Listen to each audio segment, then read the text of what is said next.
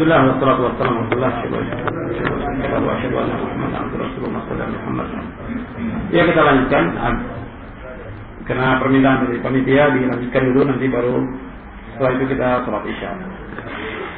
Dan ini tidak ada masalah artinya para para ulama pun seperti itu mereka mengkaji dari maghrib sampai isya azan pada isya lanjutkan lagi. Hatta di Masjid Nabawi, Masjid Haram seperti itu. Waktu saya belajar dengan Syekh Utsaimin juga demikian. Artinya ada maghrib sampai isya, azan, kemudian lanjutkan lagi. Sampai jam 8 baru koma. Insya Allah nggak ada masalah. Kita lanjutkan. uh, yang keenam. Yang keenam bahwa Islam adalah agama yang mudah. Islam adalah agama yang mudah. Syariat Islam ini syariat yang mudah, tidak berat. Jadi poin yang keenam ini syariat Islam adalah syariat yang mudah. Islam bukan agama yang sulit. Semua dalam Islam ini semua yang mudah. Semuanya. Tentang akidah, tentang ibadah, tentang akhlak, tentang muamalah, tentang apa saja. Semuanya mudah. Dan Allah subhanahu wa ta'ala mengendaki kepada kita kemudahan. Yuridullahu bikumul yusra wa la yuridu bikumul usra. Allah mengendaki kalian kemudahan, Allah tidak mengendaki kesulitan sama sekali. Allah mengendaki kemudahan seluruh agama Islam mudah. Yang bikin sulit itu karena apa? Karena kebodohan. Karena kebodohan. Karena hawa, karena dosa, karena mengikuti banyaknya orang, karena perbuatan syirik, karena bid'ah, itu yang bikin sulit agama. Agama itu mudah. Nabi SAW bersabda, Inna hadzal dina yusrun. Sesungguhnya agama Islam ini mudah. Agama Islam mudah. Tidak sulit sama sekali. Di dalam agama Islam ini semuanya mudah. Mentauhidkan Allah mudah. Menjauhkan syirik mudah. Melaksanakan sunnah mudah. Menjauhkan bid'ah mudah. Kenapa orang masih banyak berbuat syirik, berbuat tidak? Pertama karena kebodohan mereka. Bodoh. Yang kedua karena mereka mengikuti hawa nafsu. Yang ketiga karena mereka mengikuti nenek moyang.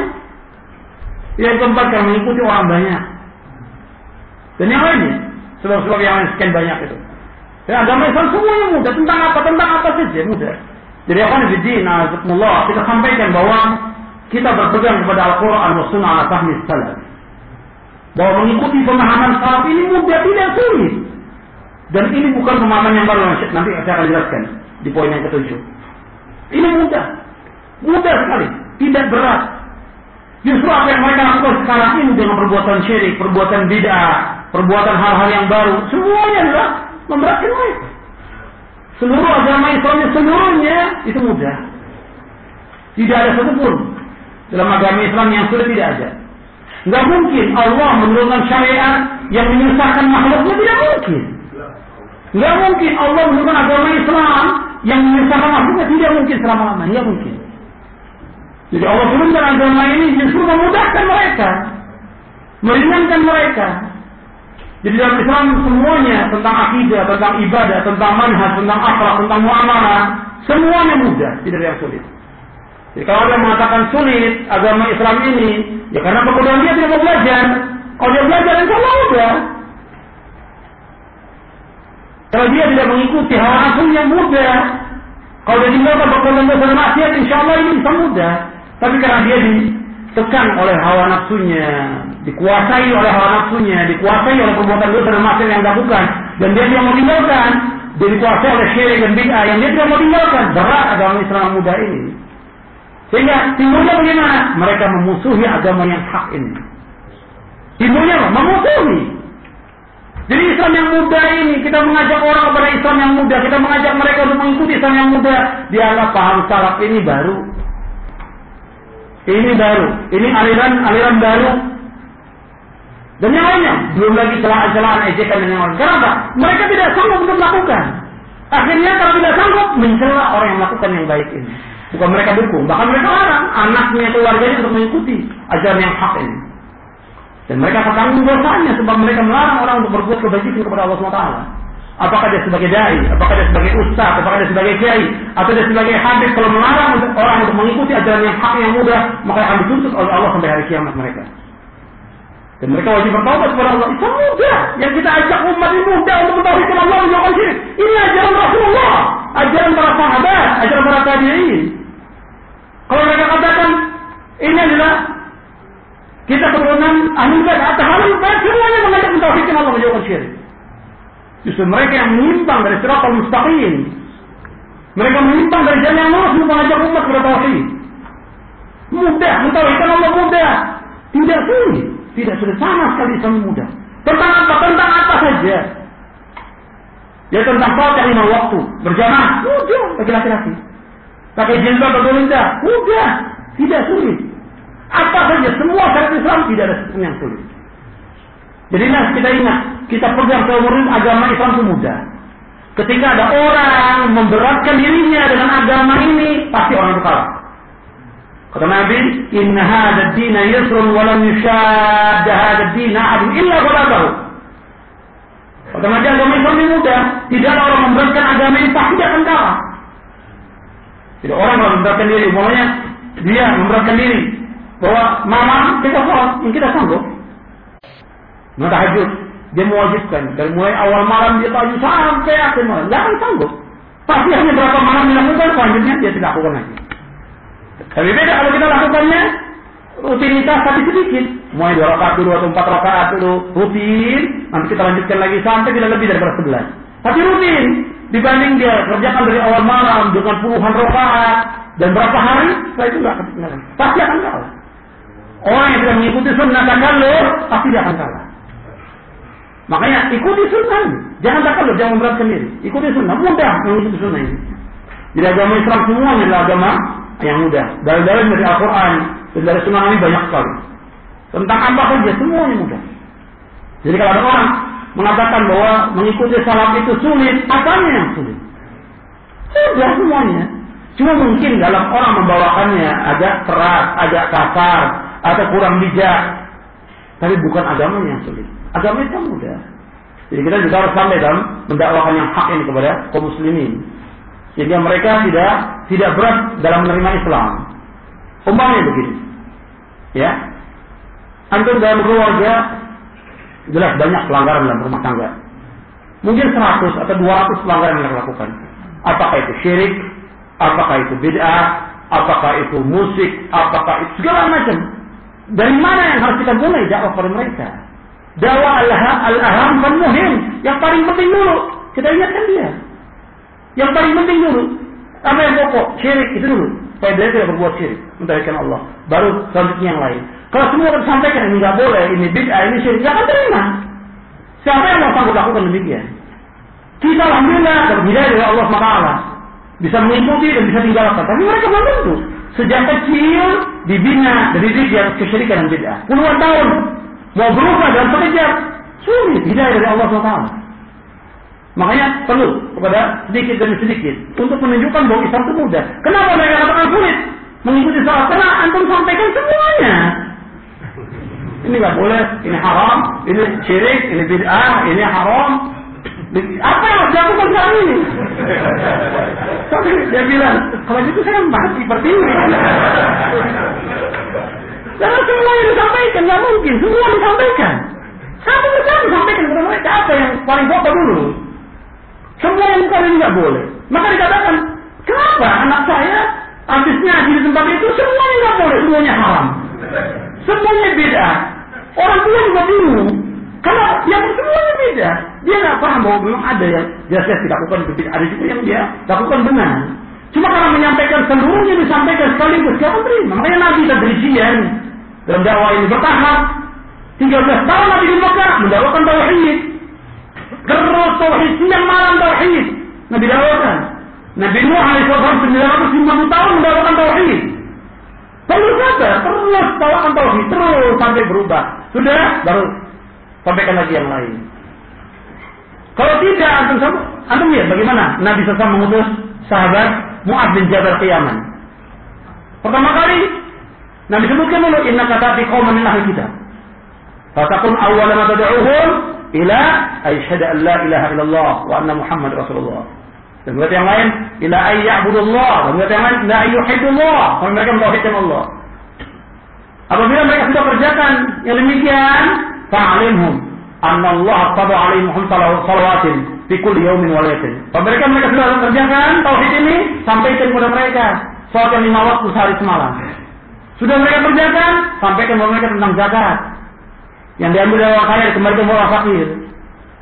Bertahap dalam dakwah itu. Jadi tidak dianggap bahwa agama Islam ini berat, mudah. Sangat-sangat mudah agama Islam ini. Makanya untuk sampaikan kepada keluarga itu bertahap. Jadi jangan sampaikan semuanya, apalagi kalau dia memang awalnya dari, dari orang-orang yang berbuat syirik, berbuat bid'ah. Sampaikan semuanya, nggak mungkin. Ini bid'ah, ini bid'ah, ini. Yang mana yang paling pokok, yang paling besar dari bid'ahnya mereka itu dulu. Sampaikan. Bertahap. Dan itu yang diingatkan oleh ulama. Dalam kitab-kitab mereka. Diingatkan, tadrijian. Hatta dalam kitab Tauhid. Hatta dalam kitab Fatul Majid dan yang lainnya. Dalam dakwah itu tadrijian. Jadi ini perhatikan, Islamnya agama yang mudah. Kemudian yang ketujuh, dasar Islam ini adalah Quran dan Sunnah menurut pemahaman salafus saleh. Ini harus kita pegang seumur hidup kita. Al-Quran wa Sunnah la tahmid salah. Gak bisa kita mengatakan saya berpegang pada Quran Sunnah, saya berpegang pada Quran Sunnah. Al-Quran dan Sunnah menurut pemahaman siapa? Pemahaman siapa? Menurut pemahaman dia sendiri, pemahaman ustadznya, pemahaman tokohnya, pemahaman siapa? Harus kita kuatkan, kita kait, kita ikat dengan pemahaman salafus saleh. Al-Quran wa Sunnah la tahmid salah. Ingat bahwa Nabi sudah mengatakan bahwa umat ini akan terpecah menjadi 73 golongan.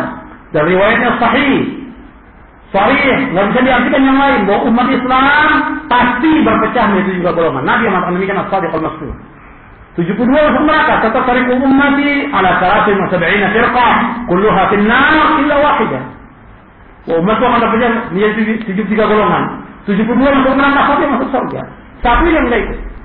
Dan Nabi sebutkan dalam hadis yang lain, hadis Irbad bin Sariyah, "Man ya'ish minkum ba'di fa sayara ikhtilafan katsira. Fa 'alaikum bi sunnati wa sunnati al-khulafa'i ar-rasyidin al-mahdiyyin tamassaku biha wa 'addu 'alayha bin nawajid wa iyyakum wa muhdatsatil umur fa inna kulla muhdatsatin bid'ah wa kulla bid'atin dhalalah."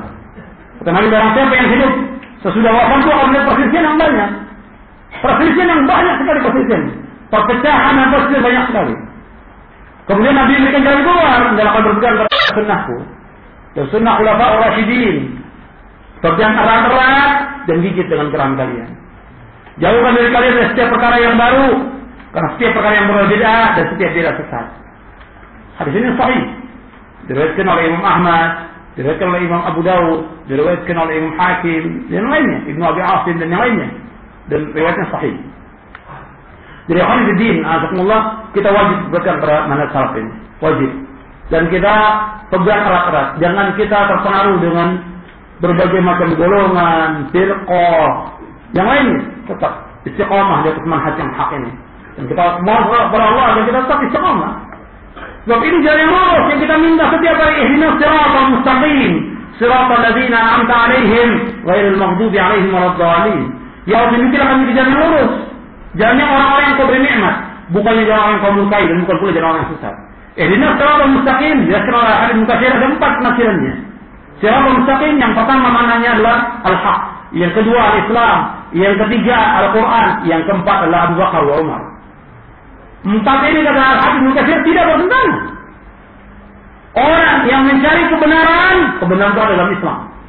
Islam sumbernya Al-Quran dan Sunnah dan Al-Quran Sunnah harus dengan sahabat. Tokohnya dua, Abu Bakar dan Umar. Makanya Nabi bersabda, "Ihtaju bil ladaini min ba'di Abu Bakar dan Umar." Bila kamu ikuti dua sahabat itu sudah wafat Abu Bakar dan Umar. Ya tokoh para sahabat. Tapi dalam hadis yang lain, Khulafaur Rasyidin yang tadi saya bacakan hadisnya.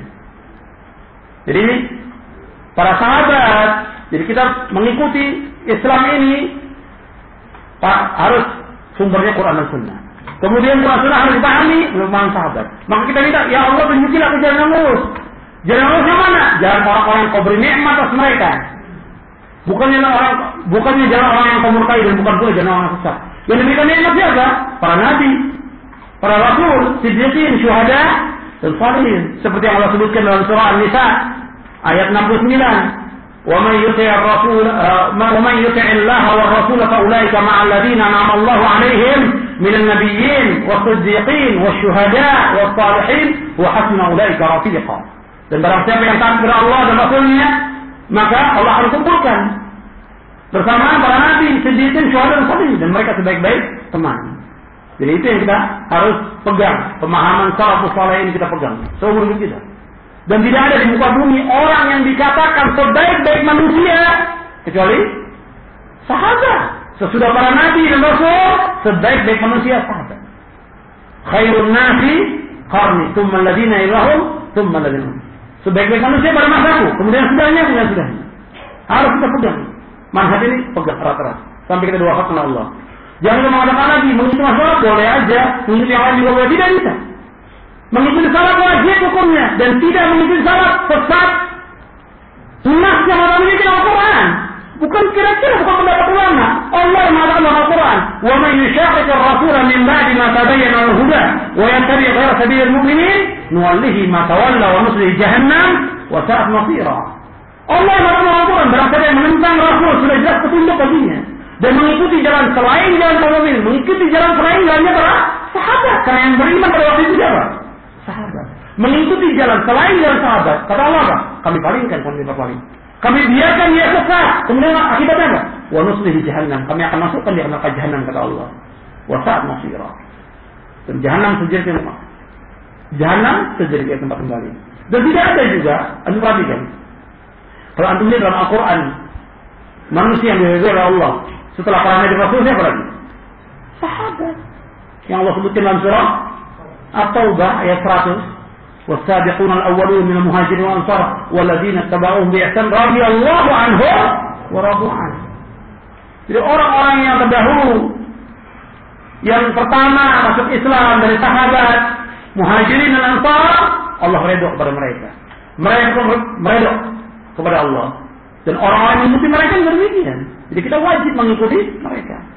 Karena mereka diredai oleh Allah subhanahu wa ta'ala. Jadi akan bidin, azakumullah, mengikuti pemahaman salaf usrani wajib. Bukan sunnah. Jangan kita mengatakan, ya nggak apa-apa kita ikuti yang lain, belajar sama yang. Tidak. Kita belajar kepada ustaz yang mengajarkan Quran wa sunnah ala fahmi salaf. Karena seluruh ulama mengatakan demikian. Nggak boleh kita belajar kepada ahli bidah. Tidak boleh kita belajar kepada orang-orang yang membela bid'ah, membela kesyirikan tidak boleh. Kita belajar kepada orang-orang yang mengajarkan Quran dan Sunnah dan salaf. Ikuti dia. Dan itu yang nasihat para ulama. Meskipun orang menolak, meskipun orang membenci kita, tetap pegang salaf. Kata Imam Al-Auza'i, "Alaika bi asari man salaf wa in raqabaka an-nas wa iyyaka wa ara' rijal wa in taqrafu laka bil qawl." Alaika bi asari man salaf. Enggak kamu ikut asal salafus saleh. Meskipun orang menolak kamu, membenci kamu, menolak kamu, menghina kamu, tetap ikuti salah. Wa wa iyyaka wa araja. Hati-hati kamu, jangan ikuti. Banyaknya pendapat, pendapat orang tokoh-tokoh yang pintar ngomong, wa in meskipun dia pintar ngomongnya. Indah ngomongannya, jangan ikuti. Ikuti. Salafus saleh. Kita akan selamat. Karena yang mengatakan ini siapa? Rasulullah. Mengikuti salah kita akan selamat.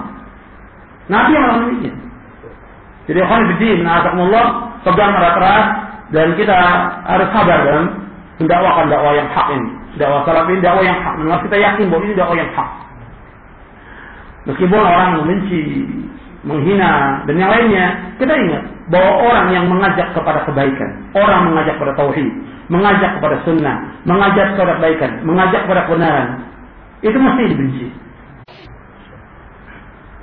Karena setan tidak senang. Setan selamanya tidak akan senang orang mengikuti kebaikan. Setan tidak senang kalau orang mengerjakan tauhid, mentauhidkan Allah, menjauhkan syirik. Setan tidak senang. Setan tidak senang kalau orang mengerjakan sunnah. Setan senang kalau orang berbuat syirik. Setan senang kalau orang berbuat tidak. Setan senang kalau dia berbuat maksiat. Senang setan itu. Makanya ya, kalau di dina, orang-orang yang musuh itu banyak. Dan kita harus sabar. Jangankan kita para nabi aja, Allah jadikan musuhnya siapa? setan dari jenis jin, setan dari jenis manusia. Wa kadzalika ja'alna likulli nabiyyin aduwan syayatin al-insi wal jin yuhi ba'dhum ila ba'din zukhrufal qawli ghurura. Allah yang berfirman dalam surah An-An'am. Demikian akan menjadikan setiap kalian, setiap nabi wa kadzalika ja'alna likulli nabiyyin demikian akan menjadikan setiap nabi aduwan musuh syayatin al-insi wal jin, setan dari jenis manusia, setan dari jenis jin. Yang mereka membisikkan kepada yang lainnya. Dan mereka mengatakan dengan perkataan-perkataan yang indah. Zuhrufal qawli ghurura untuk menipu manusia. Tidak boleh begini, nazakumullah. Tetap aja ada yang musuh kita. Tapi kita jangan terpengaruh. Wajar, kita dibenci. Nabi SAW bagaimana keadaannya? Nabi-nabi yang lain bagaimana? Nabi-nabi dan Rasul mendakwakan dakwah tauhid. Kenapa nabi-nabi musuh adalah umatnya? Karena mereka mendakwah tauhid. Kenapa nabi-nabi sampai diusir, dipukul, dikejar, dibunuh? Ada nabi yang dibunuh. Kenapa? Karena nabi-nabi semuanya mendakwakan dakwah tauhid, menjauhkan umat dari kesyirikan. Umat tidak senang. Tapi terus nabi mendakwakan dakwah tauhid. Begitu juga kita. Kita mendakwakan dakwah tauhid itu orang, tapi jangan terus. Jangan terus. Tapi ingat, ikhwan fiddin, azakumullah. Di samping kita jalan terus, tetap kita berusaha untuk mendakwakan mereka dengan dengan ilmu, dengan lemah lembut tetap dakwakan mereka. Meskipun mereka memusuhi kita, tetap kita berusaha untuk mendakwakan dengan dengan baik. Seandainya ada family kita, karena kerabat kita musuh kita, tetap kita silaturahmi dengan dia. Tetap silaturahmi. Bagaimana nasihat Rasulullah Abu Zar, Abu Zar Abi Bari, wa asila rahimi wa in jafani. Dan aku diperintah untuk menyambung silaturahmi meskipun mereka berbuat jahat kepadaku. Nabi yang menyuruh Abu Zar, Rasul mewakilkan tujuh. Di antaranya salah satunya wa asil rahimi wa in jafani. Dan aku diperintahkan untuk menyambung satu rahmi meskipun dia jahat kepadaku, kasar kepadaku, berbuat jahat kepadaku, bahkan memberi yang lain. Afdal sadaqah, sadaqah yang paling baik ala rahimil kasih. Afdal sadaqah ala rahimil kasih. Sebaik-baik sadaqah yaitu kita memberikan kepada siapa? Yaitu sahabat uh, kepada kerabat kita, famili kita yang memusuhi kita. Afdalus salah Rasulullah. Supaya apa? Supaya dia kembali ke jalan yang hak. Jadi kita jangan kembali seperti mereka, sikap kita. Mereka memusuhi kita, mengejek kita, mencela kita, kita balas. Jangan sabar ya sabar. Allah mengatakan, "Khudil afwa wa'mur bil 'urfi wa a'rid 'anil jahilin." Khudil afwa, maafkan mereka. Maafkan. Wa bunuh diperintahkan mereka untuk berbuat kebaikan. Wa arzul jahilin berpaling dari orang yang bodoh. Ini nasihat nasihat atau perintah dari Allah SWT kepada Nabi Muhammad SAW. Dan Nabi mereka kepada kita demikian. Jadi dakwah yang hak ini mesti ada tantangan. Dan kita harus sabar. Jangan kita tinggalkan dakwah ini. Kita memegang sunnah seperti kita memegang barafi. Gak mungkin orang barafi itu dipegang terus. Lalu lepas. Sunnah seperti itu ibaratnya. Kita pegang soal kita nggak kuat karena banyaknya tantangan, banyaknya ajakan kita akan lepas sunnah. Kalau lepas, rugi kita dunia akhirat. Lepas sunnah, rugi dunia akhirat. Maka jangan berlepas dari sunnah, pegang orang berat. Dan mohon kepada Allah sabar. Maka doa yang paling banyak yang Nabi lakukan, yang paling Nabi mohon kepada Allah, doa yang paling banyak yang Nabi mohon kepada Allah, Ya muqallibal qulub, sabit qalbi ala dini. Ya muqallibal qulub, sabit qalbi ala dini. Ya muqallibal qulub, sabit qalbi Ya Allah yang membangun hati tetapkan hatiku atas agamamu. Tetap. Karena tetap aja hati di atas dua jari. Hati ini berada di dua jari tangan Allah. Yang Allah memberikan apa yang dia kehendaki. Kita kepada Allah. Agar kita tetapkan di atas Islam sampai kita diwafatkan oleh Allah. Ya saya pikir cukup sampai di sini kajiannya mudah-mudahan bermanfaat untuk saya dan kamu sekalian. Kalau nanti anda mau jelas, anda bisa baca di buku ini di prinsip dasar Islam. Wassalamualaikum warahmatullahi wabarakatuh. Ya sebelum uh, kita sholat isya ada pertanyaan sedikit. Ya pertanyaan gak usah banyak-banyak yang yang berkaitan dengan materi saja, yang bisa saya jawab saya jawab, yang tidak Allah Allah. Dan nanti insya Allah besok bisa dilanjut. Insya Allah besok, besok saya ngisi di Masjid Makkah insya Allah. Oh, Masjid Jami Makkah. Afwan, di Masjid Jami Makkah.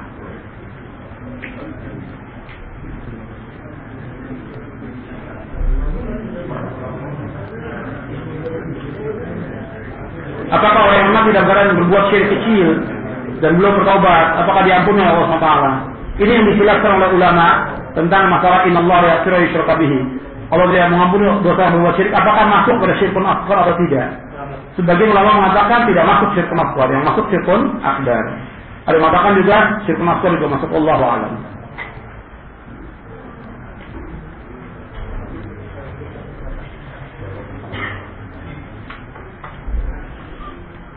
Orang tua saya menganut Islam kejawen. Dia tidak melakukan sholat, bahkan mengingkari. Apakah dia tetap dikatakan Islam? Sekarang kalau untuk e, meninggalkan sholat, ini ulama khilaf dalam masalah ini. Dari, dari Imam Ahmad berpendapat dua kafir orang meninggalkan sholat. Tapi jumhur ulama mengatakan tidak kafir. Tapi kalau dia mengingkari wajibnya, mengingkari wajibnya kafir. Sepakat ulama semuanya. Orang yang mengingkari kewajiban sholat, seluruh ulama sepakat bahwa kafir. Keluar dari Islam. Kalau dia kafir, nggak boleh sholatkan jenazahnya. Nggak boleh kuburkan di pemakaman kaum muslimin. Karena mengingkari kewajiban sholat. Kecuali kalau dia, dia tidak sholat karena kemalasan, karena kebodohan, seperti kebanyakan kaum muslimin. Ini khilaf dari ulama. Ada yang mengatakan kafir dan jumhur mengatakan tidak kafir karena kemalasan. Tapi kalau mengingkari kewajibannya seluruh ulama sepakat kafir, keluar dari Islam.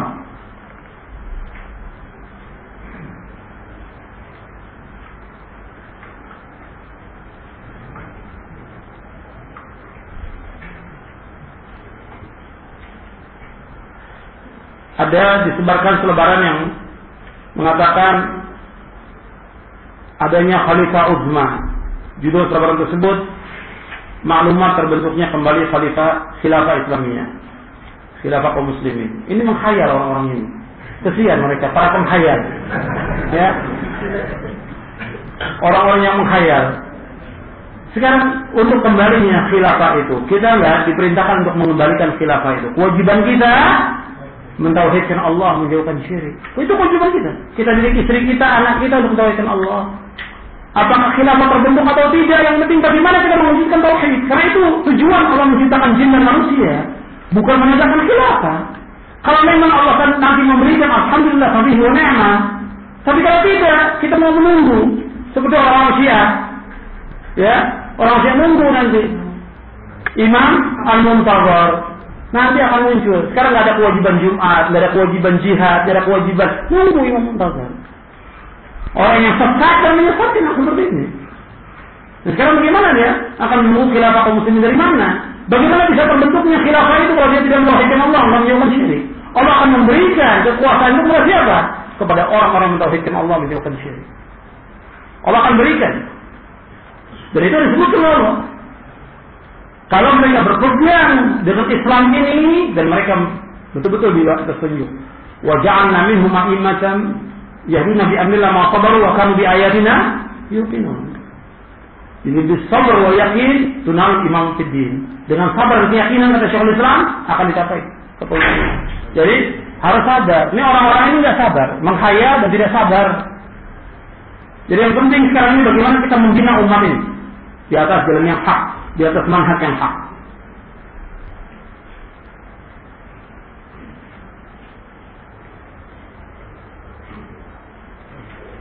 Bagaimana kita menghadiahkan CD-CD yang isinya berbagai macam materi tentang tauhid, syirik, sunnah kita terhadap penguasa.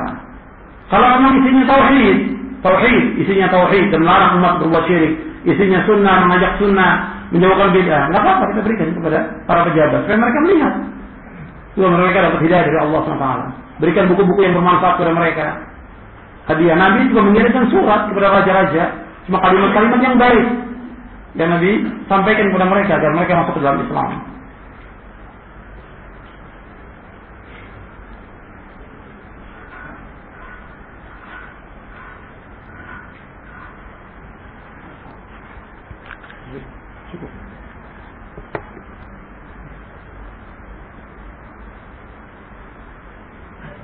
Bagaimana orang yang mengatakan bahwa dai ini hanya mengajak umat kepada tauhid terus? Ya memang harus mendakwakan dakwah tauhid. Bukan berarti kalau kita katakan kita mendakwakan dakwah tauhid kemudian kita tidak mengajarkan tentang fikih, tentang tahara, tentang sholat, yang lain. Tetap kita ajarkan. Tetap diajarkan. Dan saya mengajarkan sampai saya mengajarkan akidah juga mengajarkan fikih. Yang lain juga demikian. Jadi jangan dianggap bahwa kalau kita mengajarkan tauhid itu nggak pernah menyentuh masalah fikih sama sekali tidak. Tetap kita ajarkan juga. Cuma seperti masalah tauhid ini paling penting dalam dakwah kita. Itu paling pokok dalam dakwah kita.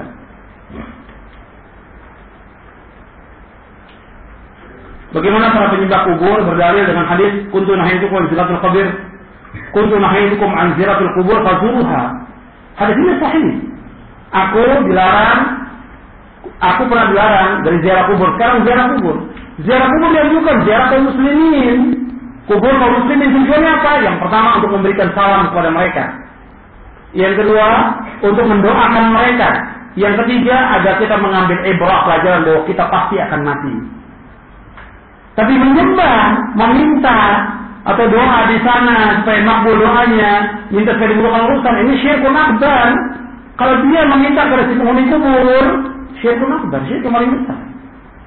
Apakah dengan alasan tawasul berarti mereka minta kepada wali-wali ini? Ini syirkun akbar. Enggak bisa dengan alasan hadis yang tadi. Hadis yang tadi menjelaskan yang pertama tentang mengucapkan salam assalamualaikum warahmatullahi sampai akhir. Kemudian mendoakan mereka Allah maghfirlah warham sampai akhir. Yang ketiga kita mengambil pelajaran.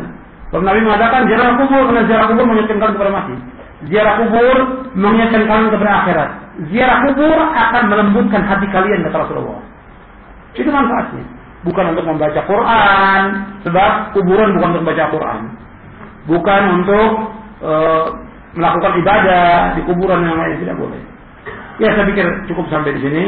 Mudah-mudahan yang sedikit yang bermanfaat. Kurang lebihnya saya mohon maaf. Wassalamualaikum warahmatullahi wabarakatuh. Subhanakallah wa bihamdik. Asyhadu an la.